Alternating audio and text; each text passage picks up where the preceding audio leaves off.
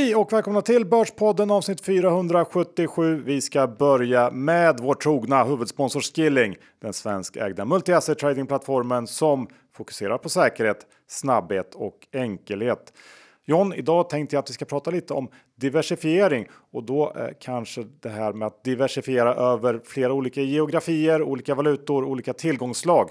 Ja, det är helt eh, otroligt eh, och eh, Skilling erbjuder ju allt det här. Man kan handla aktier i Japan, man kan handla dem i Schweiz eller USA. Det går att handla olika tillgångsslag som valutor eller råvaror.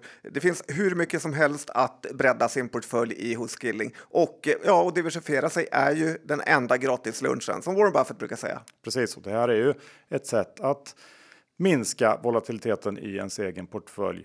Eh, Skilling erbjuder över 900 CFD-instrument i åtta olika tillgångsklasser och har såklart alla licenser och är reglerade som de ska. Dessutom en fantastisk kundtjänst som jag tycker att man ska prova.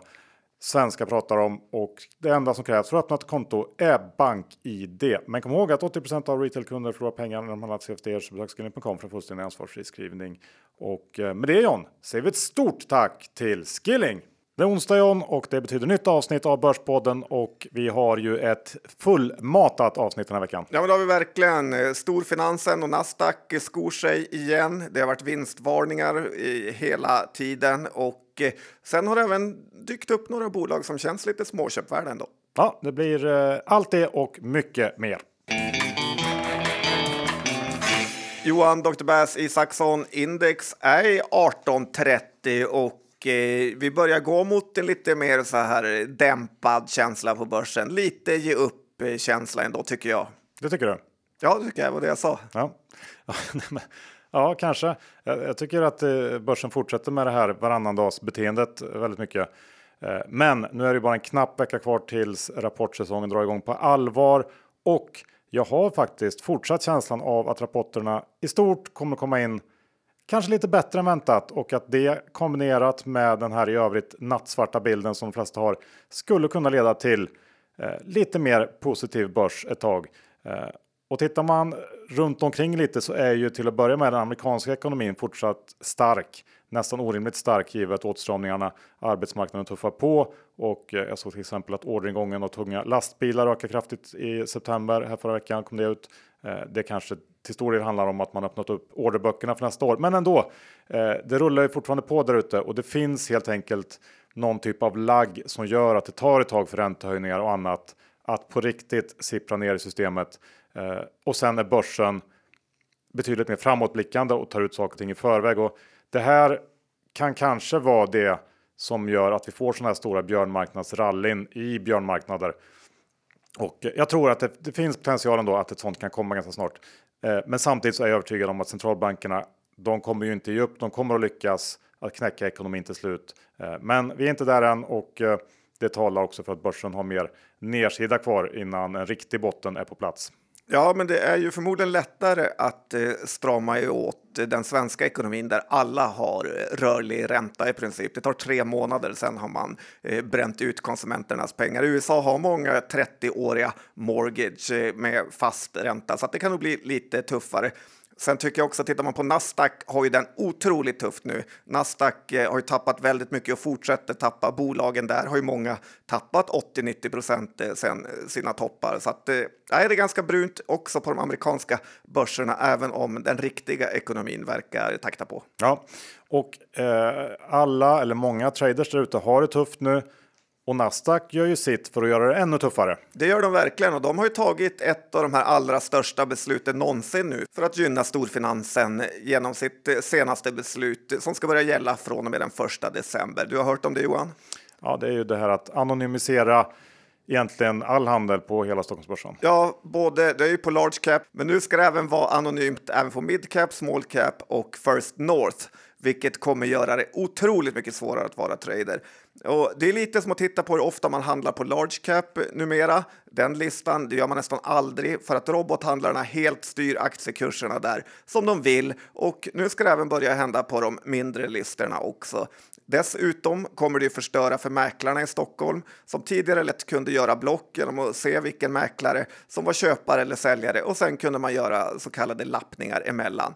Nasdaq är ju på väg att döda hela finanssektorn i Stockholm och de gör det med glädje medan Finansinspektionen hejar på. Vissa tycker säkert att det är rätt åt alla traders där ute att det blir svårare, eh, för traders är ju verkligen förlorare eh, på det här beslutet. Men tänk istället att en stor del av de här pengarna som tidigare gått till traders nu kommer att gå till indiska och amerikanska algofirmor som blir ännu mäktigare och bestämmer priserna på Stockholmsbörsen ännu mer. Ja, precis. Och eh, om det gick till traders så gick det i alla fall tillbaks lite grann på något sätt till svenskt näringsliv i form av konsumtion och annat. Men nu så försvinner de här pengarna. Det blir som en liten extra skatt på svensk aktiemarknad som försvinner ut i utlandet. Ja, och sen i och med att det förmodligen kommer döda en hel del tradingaktiviteter eh, så kommer ju likviditeten minska och göra spreadarna ännu större och ja, helt enkelt en mindre attraktiv marknad att handla på. Ja, och eh, hur hänger det här ihop med Urbit-härvan då? Ja, men det är ju en sån här eh, katastrof eh, som det hade varit i Urbit om eh, det hade varit anonym handel. Nu när man kunde se hur Mangold och enskilda vräkte ut aktier så gick det ju ganska lätt att dra slutsatsen att det var Lage som blev eh, tvångsåld. Fatta vad småspararna hade förlorat om det inte varit så, utan att eh, de här eh, firmorna istället hade kunnat lägga och dumpa ut aktier under en lång period istället. Eh, hur som helst kan jag tycka att det är nästan otroligt att det ens är lagligt att de största ägarna får vräka ut aktier i ett bolag som är konkursmässigt. Eh, för de börjar ju faktiskt sälja aktien när eh, den stod i 2 kronor. Nu står den istället i 18 öre och det är inte direkt så att småspararna kan rädda bolaget eh, när Ikea och gänget bara ser på hur det långsamt kommer dö. Kamprad hade ju för övrigt blivit galen om han såg hur usla bolag som Ikea numera investerar i. Eh, det är verkligen fördärva generationen där, förmodligen kombinerat med lite obrydda tjänstemän. Eh, samtidigt så är det ju så att det är precis sådana här bolag som borde dö, för det finns inget värde i dem. Cykelbud i London eh, som går med brakförlust är ju inte direkt superlockande. Nej, det är ju en typ av bolag som jag tror inte kommer att komma tillbaks om man säger så när efter den här börskraschen. Vi pratade om det för några veckor sedan om bolag som kanske eh, det förutsättningar är helt annorlunda. Eh, det här är ju en typ av sånt bolag. Ja, för det fanns ju aldrig några förutsättningar i grund och botten. Nej, förutom det fanns... gratis pengar. Ja, exakt. Mm. Du, eh, då passar det bra att prata lite om börsguden och eh, de offer han kräver. Ja, det vill jag verkligen höra. För att eh, vi pratar om det eh, och Lage är ju ett sånt offer får man väl säga. Ja, han pratade ut det som du säkert såg. Ja, Lite att Herren hade prövat honom. Lite intressant tyckte jag att det var att eh, det är krig i Ukraina, det är covid, men Gud fokuserar på Lage och Urbit. Ja, ja. Eh, så kan man tolka det. Eh, nej, men Lage är en, ett offer och Rutger får man också säga blev ett offer här i veckan när han blev margin, margin callad i Castellum. Men jag tror ju tyvärr inte att börsguden är nöjd här. Vad, vad tror du? Nej, verkligen inte. Nej. Han är ju alldeles för litet offer båda två. Ja, Lage är ju, är ju eh, definitivt en för liten spelare och eh, Rutger tror jag, han är ju lite större får man ju säga, men jag tror ändå att han eh, på något sätt drog i stoppen i tid. Han blev ju inte to totalt utbombad här och uh, ja, han sålde sent men inte för sent så att uh, han hade behövt liksom fullständigt förlorat allt och det gjorde han ju inte. Ännu. Nej, Lite kan jag tänka mig att han kanske ville sälja ännu mer, men att Roger Akelius inte tillät han sälja allt för att han vill fortfarande att Rutger eh, ska styra Castellum eh, och försöka få det på rätt väg. Ja, jag vet inte riktigt kanske. Eh, men om man ska vara lite seriös här så, så det här är ju tecken va, va? på Ja, jag var seriös. Nej, det, var, okay. Eh, det är ju tecken på att systemet är ansträngt nu eh, såklart. Och det kommer ju komma fler sådana här med största sannolikhet. Och om vi ska ta någon slags stickspår kring det här med Akelius. Eh, du var ju snabbt ute med Akelius Bottom i fastigheterna. Det var jag. Ja, eh, jag tror inte att det finns någon sån. Ehm, han, alla vet ju om den här, de här fantastiska affärerna han har gjort i fastighetssektorn de senaste åren. Sålde på toppen, placerade i dollar, tar lite av valutavinsten nu eh, och köper då Castellum för växelpengarna kan man säga. Jag tror mest att det handlar om att det dök upp en möjlighet att få tag på den här hyfsat stora posten och växla lite dollar till kronor. Och eh, det är ju möjligt, det är fler som har kommit med den här teorin om att han Eh, kanske ser till att driva igenom en nyemission vad det lider i Castellum och koppla ett ännu starkare grepp om det här bolaget. Eh, men i stort ser det som att han har börjat månadsspara lite grann nu i aktier. ja, eh, det kan ju vara så. Jag känner ändå att eh, det är inte så att sådana här gubbar ger bort pengar. Och det är ju otroligt hur han tillåts eh, snacka ner aktier i det ena dagen för att sen köpa för 4-5 miljarder eh, dagen efter. Eh, det var imponerande hur han verkligen kan styra Stockholmsbörsen. Ja. Du, eh, det finns ju ett gäng politiker på börsen. Ja, så är det och eh, det stoltseras ju ofta med att ha de ex-politikerna i eh, sina styrelser. Men jag tror nog inte man ska vara så nöjd med det egentligen. Jag tycker vi ser här IPO-bolaget Sinis eh, som vi ska prata om lite mer pitchar ju ganska stort för att de har Anna Kinberg Batra i deras styrelse. Och jag tycker man bara kan titta historiskt och se hur politiker har lyckats i näringslivet och inse att de är väldigt dåliga när de sitter i bolagsstyrelser. Vi har ju Maria Wetterstrand, kommer du ihåg henne? Ja. I, när hon gick in i väggen med Cortus Energy och blev väl dessutom lite så korruptionsanklagad. Eh, dessutom. Eh, sen har vi Per Nuder som gick bort sig fullständigt hos Skistar under VM i Åre och eh, fick sparken därifrån och aldrig kommit tillbaka. Vi har ju allas vår Ilja som är på god väg att göra flera hundratusen småsparare panka. Sven-Ove Littorin i Beewolf Mining är inte direkt någon succé heller. Eh, sen har vi ju Anders Borg som är ett fint namn på pappret, men det känns mest som att han har utnyttjat massa svaga småbolag för egen vinning och bygga sitt eget varumärke. För det finns väl egentligen inget bolag han har presterat i om man ska vara ärlig. Kommer du ihåg något? Nej, det kan jag inte komma på. Den är ju mycket snubb från eh, kära Anders här. Eh, det enda som faktiskt har lyckats får man väl säga är Göran Persson som först eh, gjorde Ålandsbanken till en toppbank och nu även håller på att styra upp eh, Swedbank här. Så att avdankade politiker som vill tjäna en hacka, eh, tack men nej tack i mina bolag. Nej, men jag håller med och eh, jag kommer ihåg också när Carl Bildt satt i MSABs styrelse under en period när jag ägde det bolaget. Det gick inte särskilt bra då heller. Nej, och han var väl även i eh, Lundinarnas eh, sfär ett tag också. Det har han varit ja. Du, eh, jag var i Spanien förra veckan, men det har du inte frågat någonting om. Nej, för du har skickat kanske 30-40 ölbilder därifrån. Det finns, jag tänkte på det, det finns ingen som är mer ofolklig än dig Johan. När det är börskrasch så drar du business class till Marbella, spelar golf med Viktor Henriksson och låter oss andra lida i höstmörkret. Ja, det finns ju ingen business class till Marbella i och för sig. Men annars hade du åkt den. Jag eh, måste plus. säga att eh, när man är ute och reser så går det inte att upptäcka det minsta lilla tecken på bäs. Flygplatserna är ju totalt proppfulla trots att det var liksom en vanlig vecka mitt eh, under hösten och eh, där nere är restaurangerna fulla. Det går liksom inte att hitta vettiga starttider på golfbanorna och folk har pengar kvar att bränna känns det som från de goda åren och de bränns. Eh, och det är ju nästan som att man inte riktigt vill ta in att det snart kommer sämre tider, vilket i sig kanske inte är så konstigt för att eh, det är väl så folk fungerar. Man vet att man inte ska röka eller dricka för mycket sprit kanske Eh, eller kanske börja träna, men de där besluten skjuter man ju upp eh, ett tag tills det blir akut och jag tror inte att det är någon större skillnad i hur folk beter sig när det kommer till sin ekonomi. Eh, och det här kanske är liksom också en sån här effekt som gör att det rullar på ganska bra ändå eh, ett tag till. Ja, men jag tror att man som börsmänniska har eh, och lägger alldeles för stor vikt vid hur börsen rör sig att eh, man tittar på börskurserna så tror man att det är jordens undergång. Jag kommer ihåg från 2008 när man kom ut och börsen var ner 8-9 procent, att man var fascinerad att ens bilarna rullar på där ute. Eh, det är nog möjligt att vi kommer klara den här lågkonjunkturen utan att det blir den värsta eh, depressionen någonsin. Men när man tittar i sin aktieportfölj är det ju lätt att få den känslan.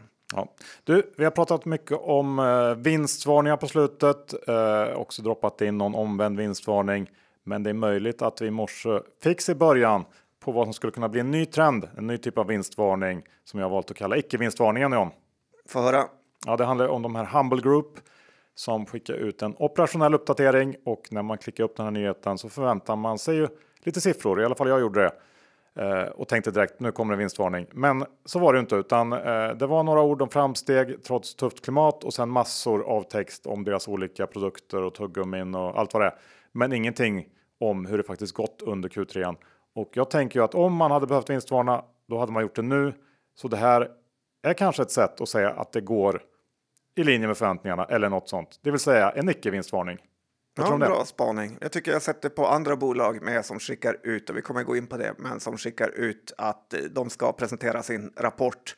Eh, det är ju också ett tecken på att det inte kommer komma en vinstvarning. Ja, men jag tänker också eh, precis den här osäkerheten som vi har där ute nu som är extrem ändå kanske gör att fler bolag kommer att börja med den här typen av icke vinstvarningar bara för att lugna marknaden lite grann. Ja, men det vore ganska skönt. Ja, eh, och du John trodde ju att botten var nära här för ett tag sedan. Ja, men det gjorde jag och många andra med mig får man väl säga.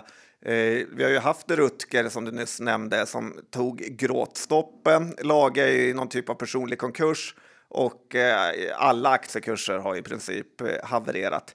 Men så hände en grej som gjorde att jag insåg att vi är långt, långt ifrån botten. Jag såg hemska, hemska saker på Breakits Insta-stories från deras SAS Summit Forum. Men går du in där så får du skylla dig själv lite grann tror jag. Det får jag göra och eh, jag kan säga jag har inte mått så bra sen jag var inne där. Jag. Eh, det känns som att vi är flera år från botten. Eh, vill du höra vad jag har upplevt? Ja, med risk för men så ja. Ja, och det här var ju då förra veckan att klockan 13.50 så går Niklas Molin från Octo upp på scenen Eh, som SAS-grundare för andra gången och eh, ska berätta om fem misstag jag aldrig gör igen.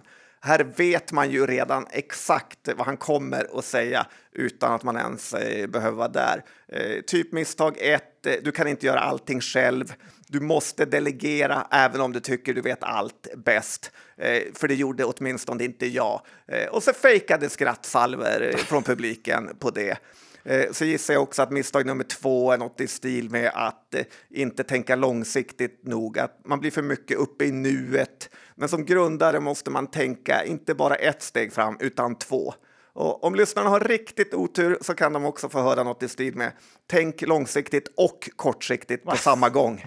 Eh, jag kan nog sätta alla de här fem punkterna, men jag orkar faktiskt inte. Men sen då, när jag hade lugnat ner mig lite och eh, liksom eh, blivit mig själv igen, så såg jag nästa punkt eh, på schemat. Det var Linda Källqvist från Planhat eh, som gick upp på scenen med titeln på föredraget One Dream, One Team. Jag läste det igen Johan och så föll jag bara ihop. Fick åka till psykakuten och sen sa jag vi lämnar inte här förrän jag har fått eh, hjälp. Ingen ska behöva må så här Johan. Nej. Vi har den vecka med oss vår exklusiva fondsponsor Fidelity. Rickard, du har ju pratat här i podden om biologisk mångfald som en stor kommande megatrend. Hur ser det ut nu? Jag kommer tillbaka till det ämnet lite, eh, just om biologiska mångfalden. Och då tänkte jag fråga dig eh, här, har du reflekterat över att eh, du inte behöver tvätta bilen från flugor så ofta längre om du kör en längre sträcka? Ja, det stämmer ju faktiskt nu mm. när du säger det. Och jag själv tog det som, som en, en, en proxy på det här att eh, när jag själv körde ner till Blekinge i somras så är det ungefär 55 mil och när jag var liten så behövde vi alltid direkt åka in på bensinstation och tvätta bilrutan från flugor. Eh, och idag så är nästan eh, rutan då helt ren. Och vad vill jag säga med det här då? Jo, en väldigt stor del av alla insekter har faktiskt försvunnit i Västeuropa de senaste 30 åren och än värre är det i regnskogen. Och den stora frågan man kan ställa sig då, vad händer om bina försvinner? Ja, om en tredjedel av världens matproduktion är beroende av bin, så det får en väldigt stor implikation och påverkan. Eh, här ser vi ett starkt investeringstrend som växer upp, eh, framförallt då med bolag inom jordbruksförbättring eh, och eh, utvinning av olika bekämpningsmedel, att de inte ska vara lika kemiska som de är idag som påverkar eh, den biologiska mångfalden. Eh, sen har vi då i kombination med det här också så är det ju stort fokus på klimatinvesteringarna, sol, vind och vattenenergi. Och det är ju top of mind eh, överallt här i Europa på grund av den stora energikrisen vi har också. Kom ihåg att investeringsvärde kan minska och öka. Det kan hända att du inte får tillbaka det investerade kapitalet och historisk avkastning är ingen tillförlitlig indikator för framtida resultat. Åsikter uttryckta kan ha redan agerats på och inte längre gälla. Vi säger stort tack till Fidelity International. Vi ska börja med någonting positivt här John. En omvänd vinstvarning från iGaming-världen som har droppat in sista veckan här. Vad tänker jag på då? Då tänker du på Pontus Lindvall antar jag? Ja, Betsson. Ja. Frågan är om det hade gått bättre eller sämre om du hade blivit hans högra hand den där dagen för 10-15 år sedan. Ja, det hade förmodligen inte gått bättre för Betsson, kanske bättre för mig. Hade du varit kvar som eh, höger... Eh, ja, men det var ju ändå rätt sinnessjukt att jag kom på topp eh, tre av ofattbart många sökande. ja, det var jättekonstigt. Undrar hur det gick för killen som fick det. Det är det som man kanske får bencha mot. Ja, vi får kolla. Får kanske ta upp det nästa avsnitt. Hör Men- av dig och berätta hur det gick. Påläggskall till Pontus. Ja. Undrar om jag också sökte det där. borde jag ha gjort. Kändes Mm. som ett drömjobb. Eh, men i alla fall, eh, Betsson meddelar att eh, intäkterna under Q3 här ska, eh, eller väntas uppgå till ungefär 200 miljoner euro och det är den högsta nivån någonsin för bolaget i ett enskilt kvartal. Eh, rörelseresultatet väntas väl landa strax under 40 miljoner euro. Eh, det var rejält mycket högre än väntat och vi har ju tidigare pratat om att den här tidiga säsongstarten för fotbollen borde påverkat eh, positivt för spelbolagen och det är också en av anledningarna som Betsson tar upp till den här höga aktiviteten eh, i sportboken under kvartalet. Och man måste ju säga igen, Betsson och Pontus fortsätter att imponera. Eh, värderingen är fortsatt låg får man säga, det är väl runt P10 ungefär. Ehm, och spelbolag har ju historiskt sett klarat sig bra i lite sämre konjunktur och så här långt verkar det stämma även den här gången. Ehm, vi får se vad som händer, men än så länge i alla fall. Eh, mycket annat konsumentrelaterat har ju redan sett en ganska rejäl avmattning med spel tuggar på. Eh, och även om Betsson hittade eh, tillväxt under Q3 i en del regioner som andra noterade spelbolag kanske inte Eh, finns på, så tycker jag ändå att det här borde båda relativt gott för hela sektorn inför eh, Q3. -orna. Ja, Betsson har lyckats verkligen bra och eh, man får ju tänka på det. Även om Sverige ligger otroligt långt fram i online betting och gambling så tar de ju fortfarande marknadsandelar från offline. Så är det och sen så passade jag också Catena Media eh, på eh, med att gå ut med ett PM i veckan och då handlar det om den här strategiska översynen som eh, de tidigare sagt skulle vara klar i slutet av september men som dragit ut på tiden. Och anledningen till att det här är intressant är ju att man i maj eh, när allt det här startade sa att det fanns intresse från tredje part att förvärva vissa tillgångar och i veckans PM så stod det ingenting om det här. Men eh, jag såg att när nyhetsbyrån eh, direkt ringde upp och frågade Catena Medias finanschef om det ska tolkas som att det inte längre finns något intresse så sa han att nej, det ska man inte. Eh, det är mer så att det är tvärtom. Eh, vi får se hur det blir med det, men givet den eh, riktigt usla kursutvecklingen för Catena Media på slutet så började i alla fall jag frukta en vinstvarning eller någon slags ja, något illa. Och jag tänker nog att om det var en vinstvarning på väg så borde man informerat om det i samband med det här och eh, kanske ja, se det här lite som en icke vinstvarning eh, återigen. Så det fick mig ändå bli lite mer hoppfull kring Catena ändå. Ja, den aktien har ju gått eh, katastrofalt dåligt för att vara inom ändå en ganska eh, het sektor. Så att det här bolaget får verkligen ta steppa upp. Jag hoppas Gruvberg är på dem. Ja, hoppas jag med. En sak som jag såg var lite kul med ett annat spelbolag, eh, Unibet, är att jag tycker de verkar vara ganska smarta i sin marknadsföring. Jag vet inte om du har sett Champions League här sista tiden. Men det är ju som att de köper inte de dyraste platserna hos de finaste lagen, utan istället köper man sponsring i lag som möter de bästa. Man är tröjsponsorer för Club Brygge som möter Atletico Madrid. Man är sponsor för Rangers, alltså Glasgow, som möter Liverpool. Och sen igår så eh, såg jag att de sponsrar ju FC Köpenhamn som mötte Manchester City. Det är lite som att köpa lägenheten i det fula huset billigt för att ha utsikt mot det fina huset. Faktiskt. Mm, så att, eh, det tycker jag är imponerande och smart tänkt av dem. Ja, men det kan man gilla. Jag håller med. Och de lägger fantastiska summor på marknadsföring får man ändå säga för mig som eh, följer fotboll. Unibet är verkligen en av de stora nu. Mm. Ja, men det är väl det man måste göra för att dra in kunder helt enkelt. Eh, och då tänkte jag att vi ska säga några ord om eh, en nyhet som damp ner med dunder och brak igår kväll. Jag tänker på BHGs eh, vinstvarning. Ja, och eh, den aktien är ju uppe rejält idag på den här vinstvarningen. Så att det var ju nästan lite positivt. Den har ju dock tappat nästan 90 procent ifrån sin topp. Och vi har ju länge varit väldigt kritiska till BHG, hur de köpte dålig omsättning som typ möbelvaruhuset Chili, som är väl en av världens sämsta möbelkedjor. Eh, men under håsen så räknades det in i någon typ av kalkyl som att det var väldigt bra. Men nu får man betala dyrt för det och vdn fick ju kicken här för inte alls så länge sedan. Eh, det positiva i vinstvarningen eh, hittills är ju att det inte verkar behövas någon nyemission ännu. Men jag tycker att det absolut inte är avskrivet än, för det är ju ingen typ av botten vi har sett av hemmafix och konsumentsvaghet, utan den har väl just börjat nästan. Så det är mycket möjligt att den här nyemissionen kommer eh, senare. Eh, ägarlistan är fylld av fonder som har gått bort sig och framför allt av EQT som är största ägare här. Och det börjar bli lite pinsamt för dem då man nu börjar äga så många surdegar på börsen att det är imponerande. Man är största ägare i BIM, Storytel och BHG. Och eh, ja, det är inte bra facit. Nej, jag tycker att man nästan kan börja eh, på ett lite större plan fråga sig vad EQT egentligen är bra på. Jag, jag lutar ju framför allt åt att de är någon slags finansiella ingenjörer som är duktiga på att skruva upp eh, skuldsättning så mycket som möjligt i de här bolagen. Man skyfflar runt mellan de här eh, private equity portföljerna. Eh, det verkar ju inte som att de är några särskilt duktiga placerare och jag, jag vet inte om jag eh, satt med var en pensionsförvaltare som satt med massa pengar i de här fonderna skulle jag ändå bli lite orolig. Eh, jag tror definitivt att EQT och andra riskkapitalbolag har sett sin bästa tid. Också någon typ av nollräntefenomen ändå, den här enorma tillväxten de har haft. Verkligen eh, håller jag med om det och eh, nästan läskigt vilka typer av portföljer eh, de har. Vi såg väl nyligen hur EQT stängde en 100 miljarders portfölj här så att, att pensionsbolagen tror på de här blint är ju väldigt konstigt när man ser vad de presterar som bolagsägare. Ja, det håller jag med om. jag bara får säga någonting om BOG så tycker jag ju eh, dels lagnedskrivningen som du pratade om känns ju som att där finns det en hel del gamla synder. Det är ingenting som uppkommer under ett kvartal, de här nästan 400 miljonerna utan eh, det här har man liksom eh, samlat på sig känns det som. Och det här med att det inte blir någon nyemission, Men det beror ju bara på att eh, eh, de här långivande bankerna eh, gick med på en så kallad waiver, att de eh, skjut, liksom lättar på villkoren under en period.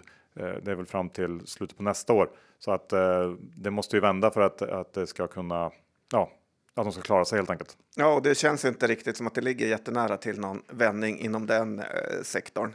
Det gör det inte. Och uh, hur är det då med fastigheter? Vi har ju pratat om det tidigare idag, men uh, det vill vi prata om igen John. Det ska ja. du få göra. Ja, men jag tycker ändå att det är värt att ta upp eh, lite snack om fastighetsaktier nu. Och, eh, jag tycker en extremt viktig grej man ska tänka på är att man måste skilja på de här fysiska fastigheterna och fastighetsaktier. För fastighetsaktier blir mer som ett derivat nu, eller hävstångsprodukt på hur fastighetsmarknaden går.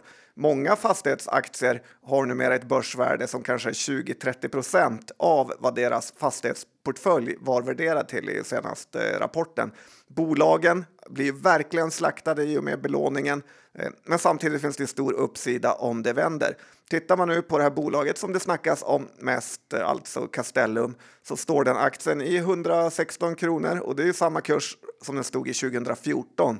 Det är alltså åtta år och det är ju exceptionellt eh, dåligt även i jämförelse med andra fastighetsbolag. Eh, men då har ju också Castellum lyckats sätta sig i många härvor, eh, typ köpa på sig en massa Entra i Norge i någon typ av maktkamp. Man har förvärvat Kungsleden alldeles för dyrt samt att det är en rörig ägarsituation här eh, också såklart. Eh, Castellum har ju själva fastigheter och eh, projekt för ett värde av 156 miljarder eh, står det i deras rapport där och börsvärdet är just nu 39 miljarder. Så det är ju verkligen tendenser till att vara en varant mer än en aktie just nu.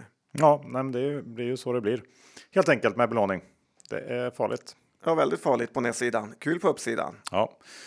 Och på tal om kul John, du har dragit fram eh, gratispengar eh, grejen igen. Ja, men är det något vi behöver, är det något folket där ute behöver så är det ju faktiskt lite gratispengar och eh, mm. det är. låt mig nu bedöma om det verkligen är så, så du kan få berätta för mig. Ja, det ska jag göra. Ja. Jag hoppas du hakar på, för jag tänker teckna. Det är ju konstgödselbolaget Sinis som gör ett avbrott i den här IPO-torkan som pågått ganska länge nu. Eh, det här är ju ganska mycket av en skrivbordsprodukt just nu. Eh, jag ser att du redan brytit ihop. Nej, men det är en skrivbordsprodukt eh, där man visserligen, får man ändå säga, har avtal både med råvaror för att producera, men också avtal mot kunder som är redo att köpa det här konstgödslet. Man ska alltså ta restavfallet från batterifabriker och göra om det till konstgödsel. Eh, det här är ju maskiner som redan finns och redan används i södra Europa, så det är liksom ingen ny teknologi. Northvolt blir glada och blir av med sopor och kunderna blir nöjda att få köpa miljövänligt konstgödsel. Fördelen för Sinis är ju att man har ju verkligen eh, väldigt billig el i norr jämfört med resten av Europa och dessutom är det lite grön av vattenkraft, vilket köparna också eh, ska gilla. Och det får man till det ynka priset av 2 miljarder kronor, Johan. Det låter ju som hittat. Ja, dock är det bara 400 miljoner som ska tas in, varav nästan 300 redan är bokade av fonder eh, som Skandia och lite andra långsiktiga tagare. Eh, dessutom finns det en green show på 100 miljoner, vilket gör att man bör kunna sälja ut sig på minst break-even. Eh, så att mitt råd blir faktiskt eh, teckna här. Sen finns det dessutom en möjlig hype också eh, med rejäl uppsida för att det råder ju konstgödselbrist i världen nu eftersom Ryssland tillverkar mycket sånt. Så som kalkylen ser ut nu så kan det här bli en riktig vinstmaskin. Eh, så att eh, ja, det finns även lite rallychans här så att mitt råd är teckna. Ja, jag tycker det låter värdelöst faktiskt. Alltså. Ja. Ja, ja. Men då var du inte ansvarig för gratispengar heller. Nej, det är, det är jag verkligen inte. Uh, nej, men sådana här projekt är ingenting för mig. Skrivbordsprodukt som du säger, man ska bygga fabriker hit och dit. Och, uh, jag ser inte varför det här ska in på börsen. Det, är liksom, uh, det finns ingenting än menar du? Nej, det finns ingenting. Nej. Förutom en, avtal. Och en powerpoint. En riktigt bra powerpoint. Och det betalar man två miljarder för. nej, usch. Ja, ja, ner som ni vill. Jag tänker absolut inte teckna någonting i det här. Okej. Okay. Skräpet. ja, så är det. Clas Ohlson däremot kanske, det är ju riktiga grejer. Det kan man se och ta på, klämma och känna. Ja, en riktigt fet utdelning också här i början av nästa år. Va? Ja, och i vår jakt på ledtrådar John, kring vart ekonomin är på väg så har ju Clas Ohlson släppt sina försäljningssiffror för september. De var faktiskt betydligt bättre än befarat. Eh, plus 5% i organisk försäljningstillväxt mot väntad 1,4. Eh, jag har ju tidigare varit inne på att jag tror att Clas Ohlson kan vara en relativ vinnare i branschen med en hel del produkter som ändå hjälper kunder att spara eh, och så vidare. Tyvärr så har ju Clas Ohlson också en hel del motvind eller motvindar, eh, främst den starka dollarn eh, och det kommer bli tufft ett antal kvartal framöver. Men om man ändå väljer att se igenom de här lite mer tillfälliga problemen med valutafrakt och annat så har aktien kommit ner rejält nu och börjar ändå eh, ligga på intressanta nivåer får man säga efter nästan halverats i år. Sen är det klart att billigt kan bli billigare, men på något sätt så börjar jag tycka att den kan vara värd att ta en titt på nu ändå. Ja, jag bara tänker, finns det ens ett ord som heter motvindar? Kan man ha mer än en motvind? Det kan man ha. Clas Ohlson har flera motvindar. Ja, inte så bra i sådana fall. Nej. Känns jobbigt med en motvind. Det kan vara en motvind som är sammansatt av flera olika små vindar på något okay. sätt. Ja, så ja. Kan säga. Ja. Ändå kul att det kommer med relevant feedback på eh, det jag säga. Och sen har vi ju eh, Dustin, det kan vi passa bra att ta samtidigt. Det ändå handlar om att sälja prylar på något sätt. Um, och det var en fin rapport får man säga. Ja. Även om det känns som att den hade blankarvänliga tendenser i sig med kund, stigande kundfordringar och ökat lager. Eller vad säger du? Ja, jo, absolut. Och även lite bäsad outlook av vdn. Eh, avgående vdn Thomas Ekman. Eh, men kvartalet i sig var ju, var ju bättre än väntat. Starkare organisk tillväxt, högre marginal.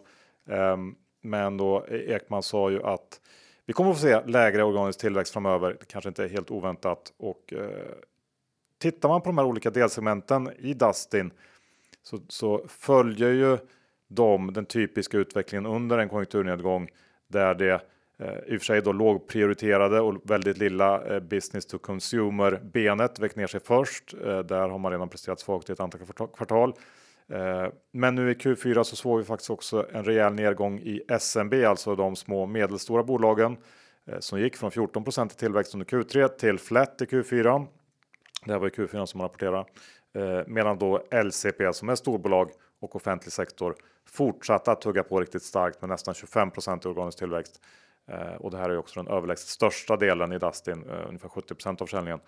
Ehm, men jag tycker att de här, den här utvecklingen är intressant att följa.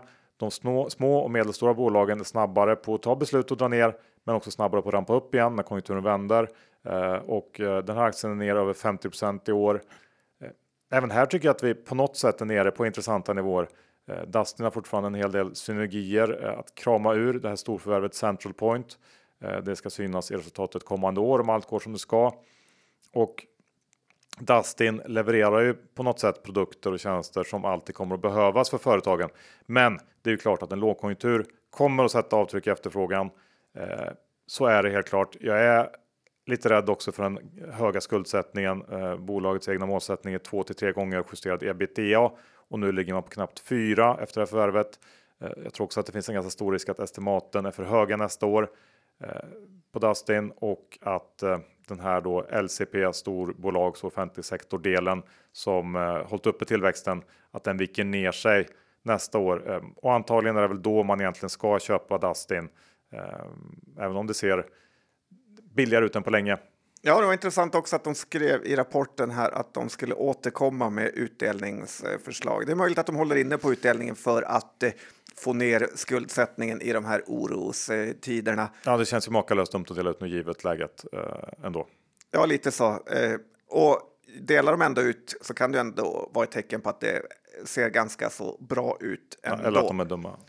Ja, lite Bonava-grejen där. Men det man skulle också kunna säga som jag tycker folk glömmer bort och investerare glömmer bort överlag är ju att eh, den här inflationen faktiskt gynnar försäljningen väldigt mycket hos bolagen. Att eh, bolagen växer ju massor organiskt bara genom att öka priset. Om en dator förut kostade 10 000 och sen nu kostar den istället 12 000 så är det ju så att eh, i bolagets räkenskaper så blir det en organisk eh, tillväxt på 20 procent. Och det är precis det som är bra för börsen på lång sikt när väl allt lugnat ner sig lite och etablerat sig på en högre nivå. Eh, så kommer det visa sig att det är faktiskt väldigt bra att äga aktier jämfört med att ha andra tillgångsslag. Ja, enda knixet är väl att det gäller då att äga bolag som kan eh, trycka igenom de här prishöjningarna. Det är ju verkligen inte alla som kan det. En del kanske till och med måste rea ut grejer alla BHG. Så att, eh, det är ju inte bara att dra över en, en eh, kam. Nej, men just Dustin kunde ju faktiskt eh, höja priserna känns det som med tanke på hur de växte organiskt. Ja, absolut. Vi eh, går över till ännu en vinstvarning som ytterligare har strulat till det för alla som sitter där hemma och funderat på hur man ska spela spelet. Eh, profilgruppen B-Group hur, vad säger du nu då? Först så när du kommer det här spelet så hade ingen vinstvarnat. Nu har bägge två vinstvarnat och i lite, mm, ja, på olika sätt. Otroligt klurigt spel nu. Ja, nu är det ett klurigt spel här, men jag tycker ändå att eh, jag måste säga att vi på Börspodden har ju varnat eh, för eh, B-Group länge, bland annat i det avsnittet när vi tittade på treårsvinsten och verkligen såg att eh, nuvarande vinst var onormalt hög. Men börsen lyssnade inte alls och eh, tradade upp den här Bay Group-aktien till 240 kronor som högst. Och nu är vi nere eh, på 70 nivån här efter vinstvarningen. Som du sa så har ju profilgruppen vinstvarnat tidigare så att det här är en väldigt eh, tuff eh, sektor att vara i. Vi såg från Tyskland hur eh, Klöckner vinstvarnade där också tappade 13, 14, 15 procent. Så att eh, även om det är väntat att den här typen av bolag eh, ska vinstvarna så verkar det ändå eh, straffas ganska hårt eh, på eh, börsen. Lite lurigt tycker jag också att om du tittar på rullande vinst 12 månaders så har både B Group och Klöckner ett P-tal på just över ett. Så att det är inte en enorm framtidstro för de här bolagen. Det kommer vara några tuffa kvartal framöver. Ja, det kan man nog vara ganska säker på. Och hur är det då för eh, Sensus som ju fick den här efterlängtade ordern, eh, monsterorden här i veckan som eh, många i och för sig kanske eh, nästan redan räknat in i aktien. Eller vad säger du John? Ja, men det var väl väldigt eh, inräknad tycker jag. Att eh, du vet ju vad Sensus gör, ska säga. Folkkamerabolaget kanske ja, man vet. De system fick... för trafiksäkerhet och trafikinformation. Oj då, sitter du och tjuvläser eller ja, kan du bara? Nej, men eh, de vann ju den här Trafikverkets upphandling och tur är väl det, för annars hade det varit väldigt dåligt. Aktien gick upp 10 på det här initialt och eh, det var ju ett ganska bra läge eftersom eh, det var extremt väntat att de skulle vinna den här. Eh, men även om det var förväntat så tycker jag ändå att det stärker det långsiktiga caset i Sensus. Eh, får lite såna opus-vibbar här, att det är ett bolag som skulle kunna köpas ut från börsen då de är stora i USA, det är automatisering som gynnar dem och sen en massa andra grejer. Eh, som de har mer än bara fartkameror som kanske kan bli väldigt bra när fordonen ska bli mer självkörande och kommunicerar med rödljus och så vidare. Eh, det är ett svårt case. Samtidigt är det ett eh, hyfsat billigt småbolag som ändå levererar. Jag har en liten stek privat också eh, vi hade en i Börspodden-portföljen här som vi har sålt ut, men jag har behållit min. Så att det ska bli kul att se vart det här tar vägen. Ja, men bra. Jag är väl lite rädd att alltså, den här aktien är väl upp en 10-15 procent i år, vilket ju eh, står ut som väldigt, väldigt bra. Jag är lite rädd att eh, det här beskedet blir liksom lite eh, pyspunka efter det, att nu har det roliga hänt. Den gick inte upp så mycket. Många har väntat på det här. Nu är triggern borta på något sätt. Jag, jag, jag tror att den kan tappa lite nu. Men Sell on news. Ja. Lite kul att eh, en toppchef på Penser, Per Wall, äger 2,5 procent av det här bolaget och har gjort det i många år. Ja, kul för honom. Ja, Götenhus då? Det äger han inte 2,5 procent av. Nej, och det ska han vara glad. Men det är en annan storägare som är riktigt, riktigt eh, okrispig. Och när sådana här kriser som vi har sett nu kommer så kommer man börja se mer och mer konstiga affärer då folk eh, försöker rädda sig själva på andras bekostnad. Eh, vi pratade i förra veckan om hur Götenehus varslat massa personal och i tisdags kom nyheten att Götenehus köper nu två kommersiella fastigheter i Skövde och Trollhättan för 130 miljoner. Och det är ganska saftig investering för ett bolag som har ett börsvärde på 250 miljoner. Och Dessutom kan jag tycka att man köper till en otroligt dålig avkastning på eh, alltså direktavkastning på fastigheten på ynka 6% för kontorsfastigheter i Trollhättan. Är du sugen på det? Nej, det är jag inte. Nej, det är inget drömförvärv direkt. Men vilken tur då att man köper av själva Götenehus största ägare i en otroligt märklig affär Eh, med aktier till överkurs, man kvittar reverser och tar över befintlig eh, finansiering. Det finns precis inget här som andas normalt i den här affären och tydligen tillåts man göra vad som helst på börsen eh, numera. Sådana här affärer där, där det finns stor risk för småspararna att bli lurade så krävs det att man ska ha en extra bolagsstämma. Men den ska avgöras med poströstning för att slippa jobbiga frågor. Så att, eh, här kan det smusslas på.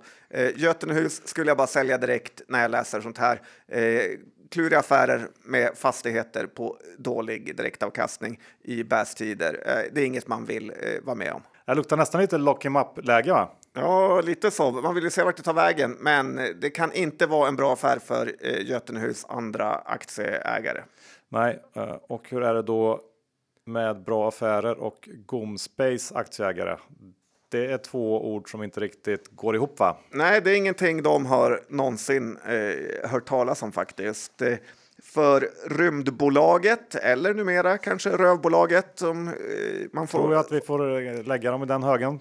Då, som börjar bli väldigt eh, stor nu. Den börjar bli stor, men så blir det också när det kommer in hundratals bolag per år under lång period. Så fick i alla fall Gomspace här. Eh, de tvingades vinstvarna för att man inte har fått betalt för sina fakturer och det låter ju bättre än vad det är, för det är snarare så att kunden vägrar betala för det arbete som Gomspace utfört och eh, fakturerat för samt att eh, Gomspace dessutom gjort en massa arbete eh, som de inte ens hunnit fakturera för som man får eh, skriva av här. Kunden är med andra ord extremt eh, missnöjd med vad Gomspace har levererat och deras produkter tycker jag mer man kan tolka det som än att de inte har orkat knappa in OCR-numret eh, eh, på deras faktura i rätt eh, tid. För i vinstvarning säger ju bolaget att eh, de nu slutar jobba med den här kunden och Gomspace känns ju i väldigt dåligt skick just nu så att det är svårt att förstå riktigt vad som ska rädda det här bolaget. Sälja nanosatelliter med brakförlust eh, som nu kunderna inte ens vill betala för trots att man säljer dem med förlust. Ja, det är inte superlockande. Nej, det är bara att kasta ut det här bolaget. Det är det. Det är också. Ut från börsen. Från rövlistan till och med, eller? Ja, Där får de vara. Ja.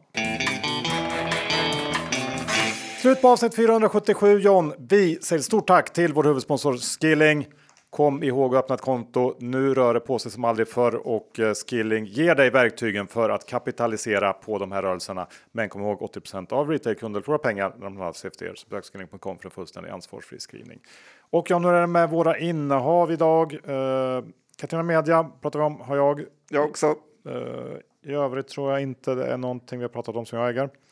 Jag har lite Sensis och jag ska teckna Sinis. Mm, jag ska absolut inte göra det. Skyll dig själv då. Ja, tänker jag göra. Bra. Eh, avslutar vi med den härliga stämningen och säger tack för att ni lyssnade en vecka. Vi hörs nästa onsdag igen. Hej då! Det gör vi.